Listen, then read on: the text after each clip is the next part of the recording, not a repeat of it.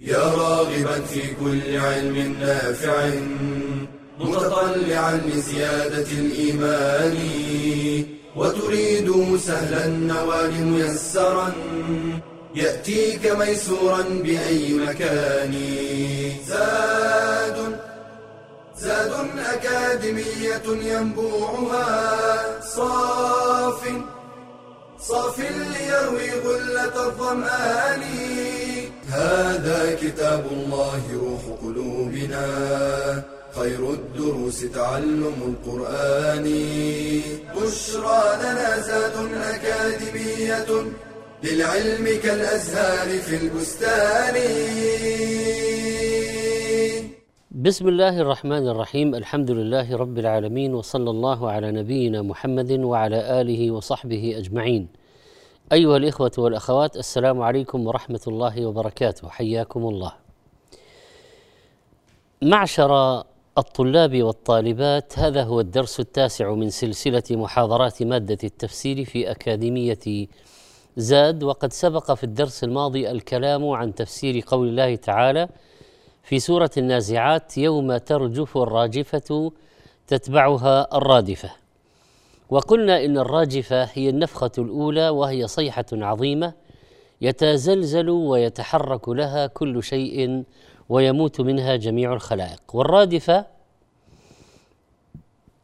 هي النفخة الثانية ردفت الأولى وجاءت بعدها. إذن لتبعثن يوم تهتز وتضطرب الأرض. بسبب النفخة الأولى التي تتبعها نفخة ثانية.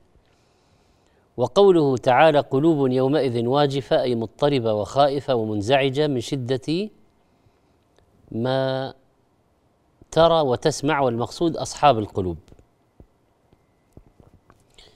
أبصارها خاشعة أبصار أصحابها منكرو البعث.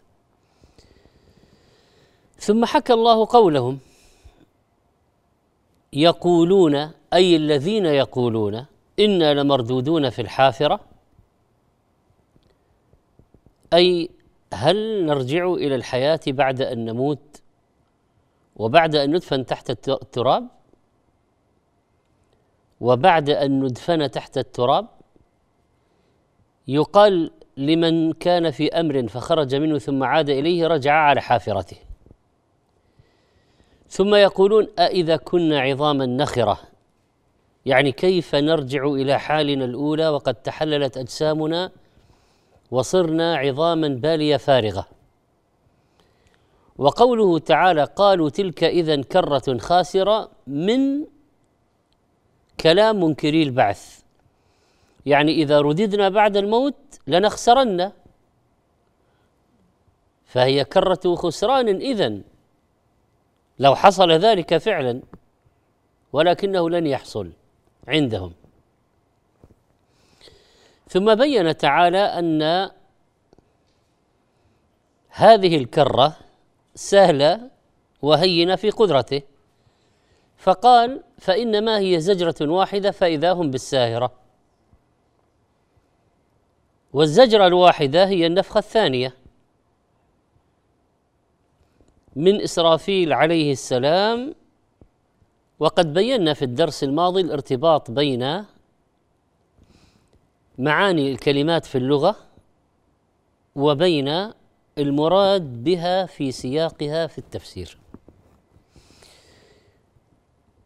الآيات هذه فيها تقرير لعقيدة البعث والحشر وأحياء الله تعالى الموتى. عندما ينفخ إسرافيل في الصور النفخة الثانية كما قال تعالى ونفخ في الصور فصعق من في السماوات ومن في الأرض إلا من شاء الله. ثم نفخ في أخرى فإذا هم قيام ينظرون. يقوم الناس من قبورهم لرب العالمين في أرض المحشر حفاة بلا نعال عراة بلا ثياب غرلا غير مختونين قال تعالى كما بدأنا أول خلق نعيده. وعدا علينا ان كنا فاعلين. اذا حقيقة البعث أن الله تعالى يجمع أجساد المقبورين التي تحللت وفنيت ويعيدها بقدرته كما كانت ثم يعيد الأرواح إليها ويسوقهم إلى محشرهم لفصل القضاء. وقد رد الله تعالى في عدد من الآيات على منكري البعث وبين فساد أقوالهم وضرب لنا مثلا ونسي خلقه. قال من يحيي العظام وهي رميم؟ قل يحييها الذي أنشأها أول مرة. الإنشاء من العدم أصعب فالإعادة أسهل وكلها على الله سهلة. ويسيرة. وقال تعالى زعم الذين كفروا أن لن يبعثوا قل بلى وربي لتبعثن ثم لتنبؤن بما عملتم وذلك على الله يسير. طيب الآن الآيات هذه السابقة في سورة النازعات كانت في موضوع معين.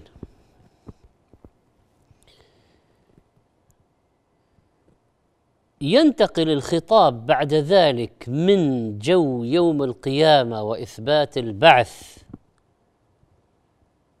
وذكر بعض تفاصيل ما يحدث في ذلك اليوم عند قيامه وابتدائه إلى عرض مصرع من مصارع المكذبين العتاه. وذكر طرف من قصة موسى عليه السلام وخبره مع فرعون لعنه الله. وفرعون أحد الطغاة العتاة المكذبين بالبعث وسيعيده الله سبحانه وتعالى ويعذبه. قصة موسى عليه السلام أكثر قصص الأنبياء ورودا في القرآن وأكثرها تفصيلا من بين قصص الأنبياء جميعا. أكثر الله من ذكرها. قص علينا من خبر موسى مع قومه وصبره عليهم. موسى عليه السلام عاش تاريخين. عاش كأنه مع آه، أمتين فرعون وقومه وبني إسرائيل بعد ذلك مستقلين. اذا موسى عليه السلام عاش مرحلتين مرحلة مع فرعون وقومه وبني إسرائيل ثم بعد إهلاك فرعون ونجاة بني إسرائيل قصة كاملة أيضا طويلة مفصلة مع بني إسرائيل بعد ذلك. قصة ثرية بالخبرات غنية بالدروس والعبر تستفيد منها الأمة جدا. ولذلك الله سبحانه وتعالى فصلها لنا وقص علينا. مطولة ومختصرة. وثنى وأعاد سبحانه وذكر مراحل كثيرة من حياة موسى عليه السلام في طفولته وشبابه ودعوته. تكرر ذكر اسم موسى عليه السلام في القرآن 136 مرة. ذكر شيخ الإسلام تيمية أن الله سبحانه وتعالى ذكر قصة موسى مع فرعون عدة يعني مرارا لأنهما في طرفي نقيض في الحق والباطل فإن فرعون في غاية الكفر والباطل حيث كفر بالربوبية وبالرسالة وموسى في غاية الحق والإيمان من جهة أن الله كلمه وآتاه كتابه التوراة ولم يجعل بينه وبينه واسطة من خلقه في الكلام المباشر. و قصة موسى وفرعون من أعظم القصص التي فيها اعتبار لأهل الإيمان ولأهل الكفر. ولهذا كان عليه الصلاة والسلام يقصها أيضا من جهة علاقة موسى مع بني إسرائيل في أمور كثيرة. نلاحظ أن قصة موسى مع فرعون في سورة النازعات سريعة المشاهد مختصرة. منذ أن نودي موسى بالوادي المقدس إلى أخذ فرعون. فقال الله سبحانه وتعالى هل أتاك حديث موسى؟ إذ ناداه ربه بالوادي المقدس طوى اذهب إلى فرعون إنه طغى فقل هل لك إلى أن تزكى وأهديك إلى ربك فتخشى فأراه الآية الكبرى فكذب وعصى ثم أدبر يسعى فحشر فنادى فقال أنا ربكم الأعلى فأخذه الله نكال الآخرة والأولى إن في ذلك لعبرة لمن يخشى. سنستعرض بعد قليل إن شاء الله الآيات بشأن هذه القصة وبعض ما فيها من العبر والفوائد. نعود إليكم لإتمام الموضوع. بمشيئة الله.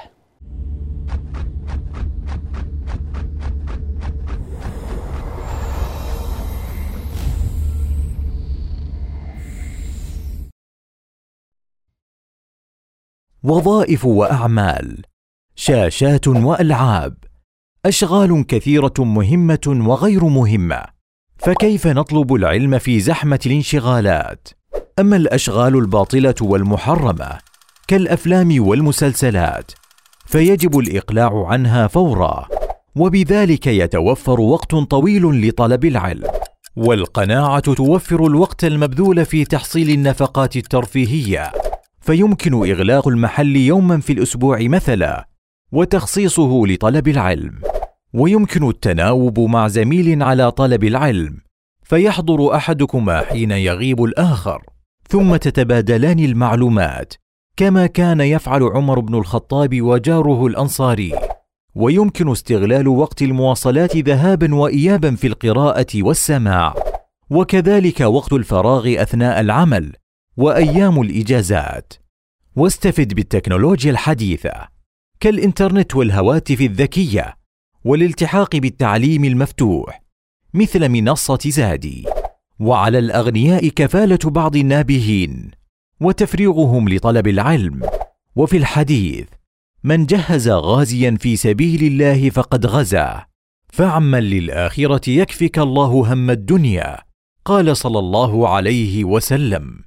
من كانت الآخرة همة جعل الله غناه في قلبه وجمع له شمله وأتته الدنيا وهي راغمة.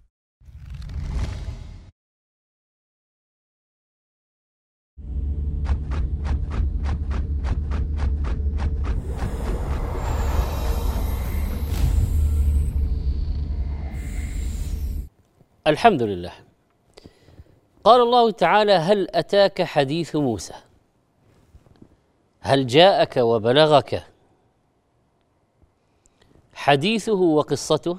إن فيها تسلية لك يا محمد صلى الله عليه وسلم وفيها تنفيس لأحزانك وعبر وتقوية لك في مواجهة قومك المكذبين لأننا سنقص عليك قصة لنبي كريم من إخوانك مع المكذبين.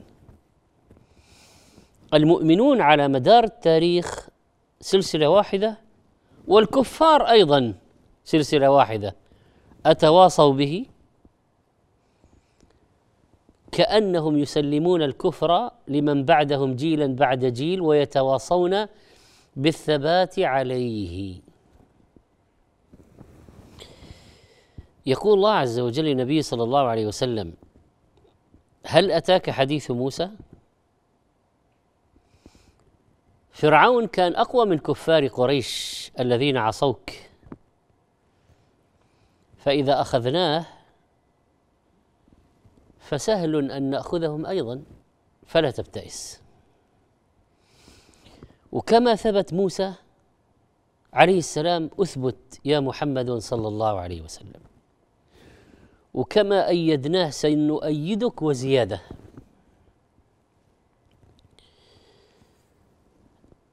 ابتعث الله موسى عليه السلام إلى فرعون بالمعجزات وفرعون كفر وطغى حتى أخذه الله. والتسلية للنبي صلى الله عليه وسلم في تكذيب قومه له وما هددوه به والله عز وجل قال في آخر القصة إن في ذلك لعبرة لمن يخشى. فهو عز وجل يسوق القصص للاعتبار. هل أتاك استفهام تقريري وفيه تشويق السامع إلى الخبر؟ ولا يقصد به حقيقة السؤال وانتظار جواب من المسؤول. لا. لكن أسلوب بديع في عرض الحدث. أليس قد أتاك حديث موسى عليه السلام؟ ثم جاء التفصيل إذ ناداه ربه بالوادي المقدس طوى قالوا هذا اسم الوادي. مأخوذ من طويت الشيء طيا. كقوله تعالى يوم نطوي السماء كطي السجل. طوى. اسم الوادي المقدس المطهر المبارك الذي حصل فيه تكليم الله تعالى لموسى عليه السلام وهو واد في أسفل جبل طور سيناء من برية فلسطين. ومعنى الآية أن الله تعالى نادى موسى نداء سمعه بصوت الله كما قال عز وجل وناديناه من جانب الطور الأيمن وقربناه نجية. الوادي مجرى الماء. هذا المكان المنخفض وهو المحل الذي كلم الله عز وجل موسى فيه. وامتن عليه بالرسالة وابتعثه واختصه بالوحي ولذلك سماه مقدسا إذ ناداه ربه بالوادي المقدس. وقال في آية أخرى عز وجل فاخلع عليك إنك بالوادي المقدس. طبعا هذه الآية فيها دليل لأهل السنة أن كلام الله غير مخلوق. تكلم به سبحانه وأن الله ينادي ويناجي ويتكلم كما يشاء كلاما يليق بجلاله ليس ككلام البشر وأنه كلام حقيقي بحرف وصوت. والنداء كلام مسموع لا محالة. نادى يعني نادى. لا نحرف ولا نبطل ولا نشبه نادى والكلام للمتكلم والمتكلم هو الله والنداء من الله. و آه، للخالق نداء يليق به وللمخلوق نداء يناسبه. حتى فرعون في نفس القصة قال فحشر فنادى فالله نادى موسى وفرعون نادى جنوده.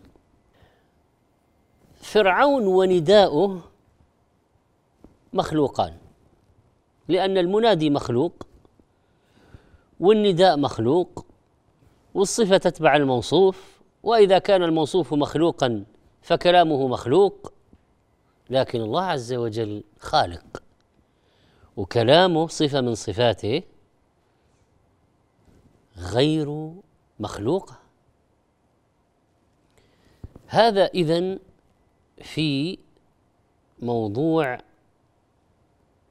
النداء الذي حصل. لكن ما هو مضمون هذا النداء؟ اذهب إلى فرعون إنه طغى.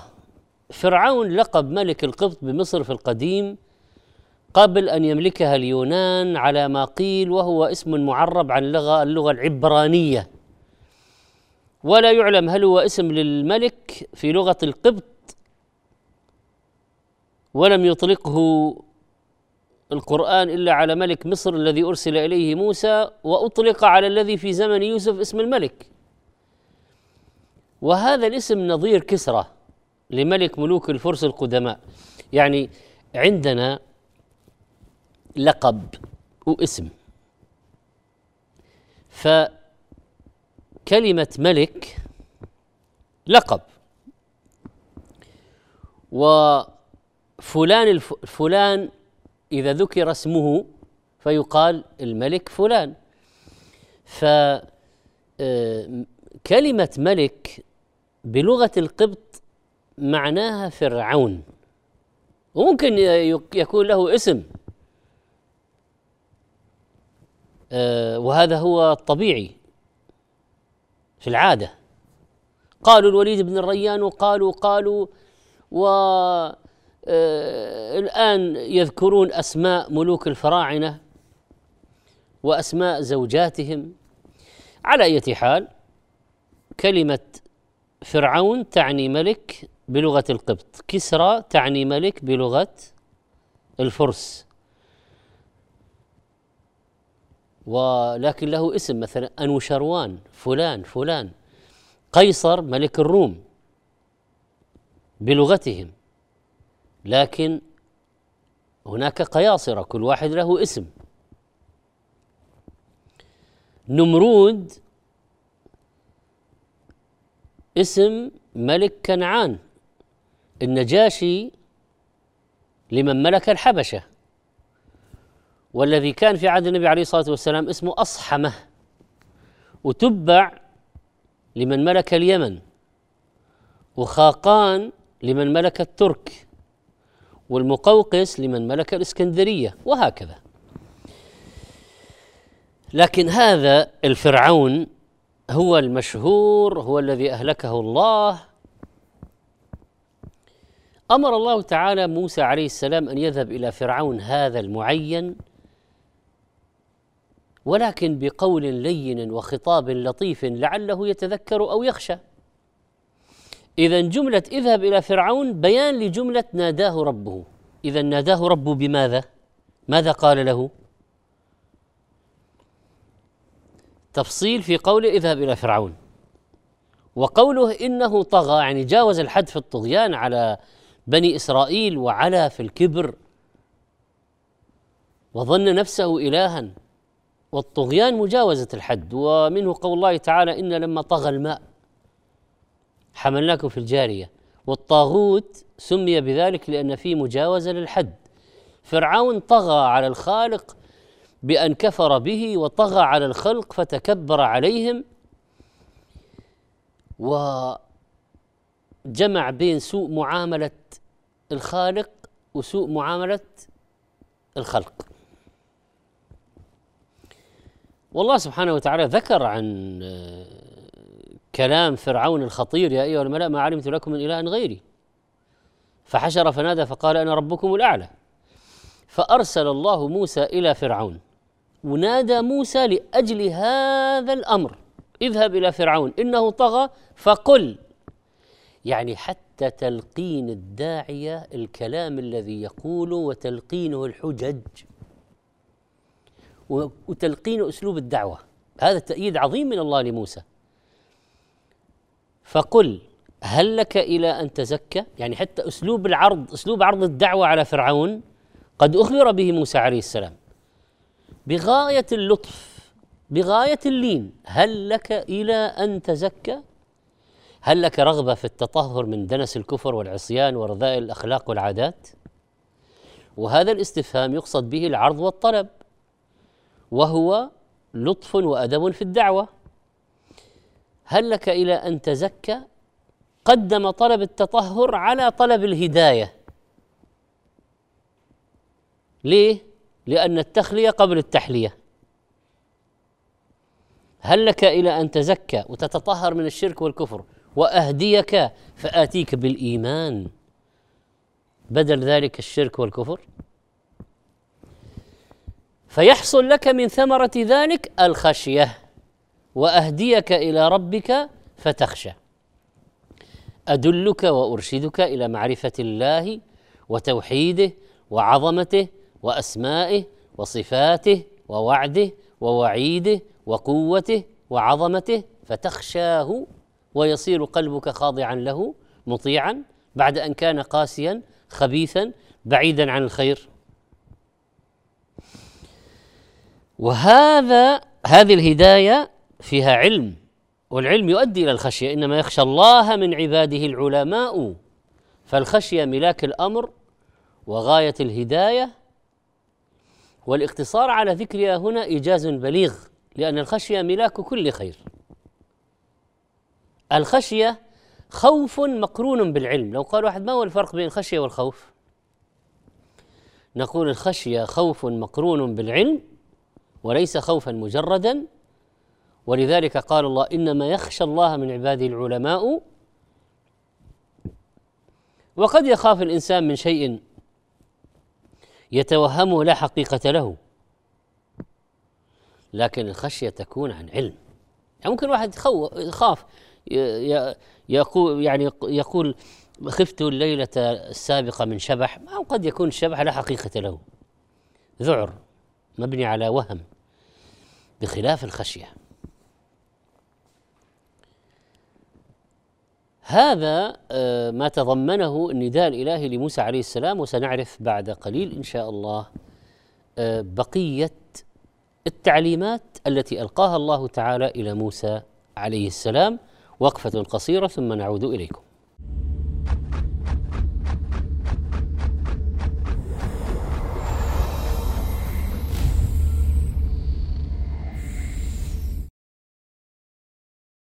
إذا كنتم ثلاثة فلا يتناجى اثنان دون صاحبهما فإن ذلك يحزنه. أدب يعلمنا إياه نبينا صلى الله عليه وسلم من خلال النهي عن التناجي وهو أن يستأثر اثنان بالحديث سرا دون الثالث أو ثلاثة دون الرابع أو أربعة دون الخامس وهكذا. فإن هذا لون من إلحاق الاذى بالمسلم لأنه يعود عليه بالحزن والخوف. وربما ظن أن ذلك لاحتقاره والحط من كرامته فيزيده ذلك غما وحزنا. لذا حرم الإسلام التناجي كما قال تعالى ألم تر إلى الذين نهوا عن النجوى ثم يعودون لما نهوا عنه ويتناجون بالإثم والعدوان؟ ومن صور التناجي المحرمة أن يتكلم اثنان بلغة مختلفة لا يفهمها الثالث أو أن يكتب أحدهما للآخر في ورقة. والثالث جالس ولا يمكنه الاطلاع على ما كتب. قال النووي رحمه الله وفي معناه أي معنى التناجي ما إذا تحدث بلسان لا يفهمه لأن العلة موجودة. فإذا كان الحديث دائرا بين اثنين بداية ثم أتى ثالث وأراد أن يدخل بينهما فإن ذلك لا يجوز إلا بإذنهما لقول النبي صلى الله عليه وسلم إذا كان اثنان يتناجيان فلا تدخل بينهما. واعلم أنه إن دعت الضرورة إلى التناجي فإنه يكون مباحا بشرطين الأول أن تكون هناك مصلحة راجحة على مفسدة التناجي الثاني أن يكون ذلك بإذن الشخص الثالث ورضاه وإلا حرم. فالتناجي من تسويل الشيطان وتزيينه. فإذا أحسست بحزن من جراء تناجي بعض الناس أمامك فاستعذ بالله وتوكل عليه فإنه سبحانه كافيك من كل سوء وكيد. قال تعالى إنما النجوى من الشيطان ليحزن الذين آمنوا وليس بضارهم شيئا إلا بإذن الله. وعلى الله فليتوكل المؤمنون.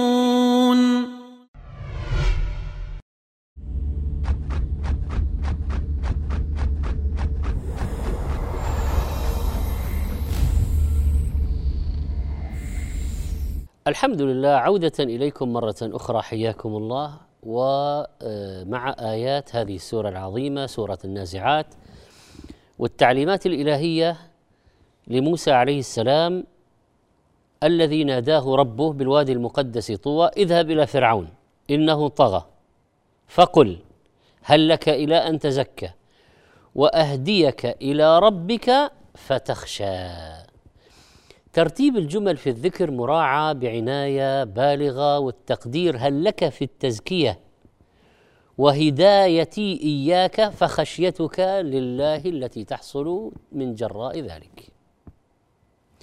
تزكية هداية خشية. تذكروا هذه الثلاثة بهذا الترتيب. تزكية هداية خشية. الهداية الدلالة على الطريق الموصل إلى المطلوب. فبدأ موسى مخاطبته بالاستفهام. وفيه عرض الدعوة على المدعو. بكلام رقيق ليستدعيه ليستدعي قبوله بالتلطف في القول. ويستنزله من عتوه بالمداراه. فرعون يعيش في عالم آخر يعيش في جو الطغيان والبغي و إيه، فائدة المداراة والتلطف واللين والرفق أن استنزال هذا الطاغية من علياء جبروته إلى ميدان العلم والهداية والتأثر. وقد قال تعالى في الآية الأخرى فقولا له قولا لينا لعله يتذكر أو يخشى. فإذا هذا هو تفسير القول اللين. فقل هل لك إلى أن تزكى وأهديك إلى ربك فتخشى؟ إذا قوله تعالى فقول له قولا لينا ما هو القول اللين؟ لعله يتذكر أو يخشى. ما هو القول اللين؟ في سورة النازعات. فقل هل لك إلى أن تزكى وأهديك إلى ربك فتخشى. تليت هذه الآية فقول له قولا لينا عند يحيى بن معاذ رحمه الله فبكى وقال هذا رفقك بمن يقول أنا الإله فكيف رفقك بمن يقول أنت الإله؟ وهذا رفقك بمن قال أنا ربكم الأعلى فكيف بمن قال سبحان ربي الأعلى؟ هذا رفقك بالكفار فكيف رفقك بالأبرار؟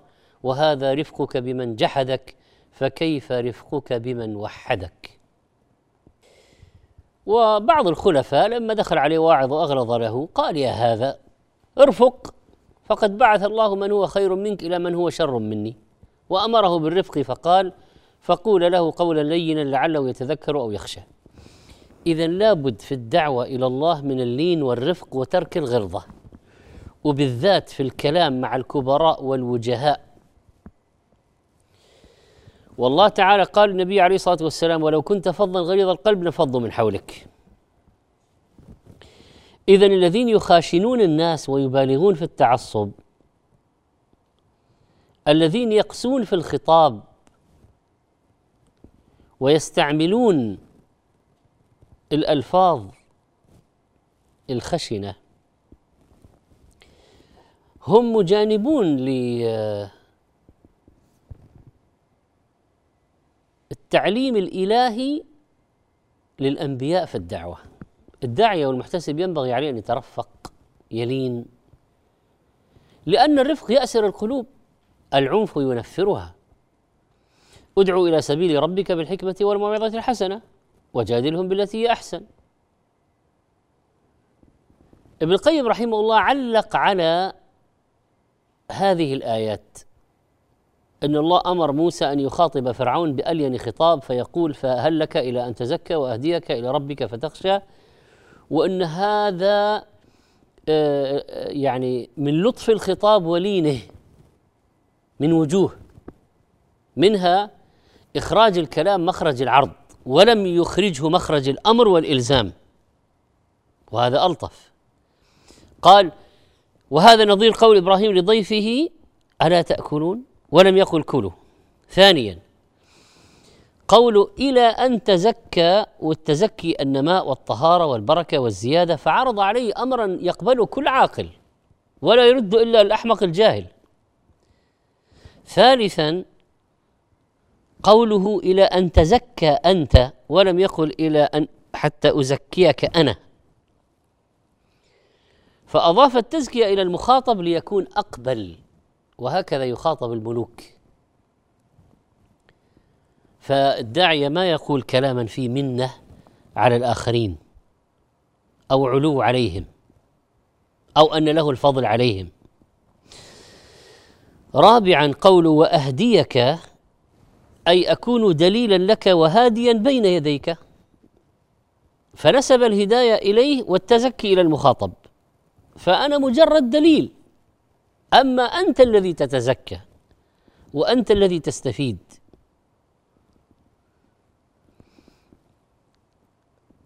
كما لو قلت ألا أدلك على كنز تأخذه؟ أنت تأخذه وأنت تستفيد منه. أنا مجرد دليل. خامسا قوله إلى ربك وأهديك إلى ربك. أوصلك إليه؟ أعرفك به أدلك عليه. لاحظ قوله ربك يعني يا فرعون إنه ربك الذي أنت تجحده وتريد أن تنزل نفسك مكانه ومقامه. ربك الذي أوجدك رب أنت مربوب لك رب يا فرعون. لك رب رباك بنعمه جنينا وصغيرا وكبيرا وأتاك الملك. ثم أنت خرجت عن طاعته. هذا كل كلام ضمني.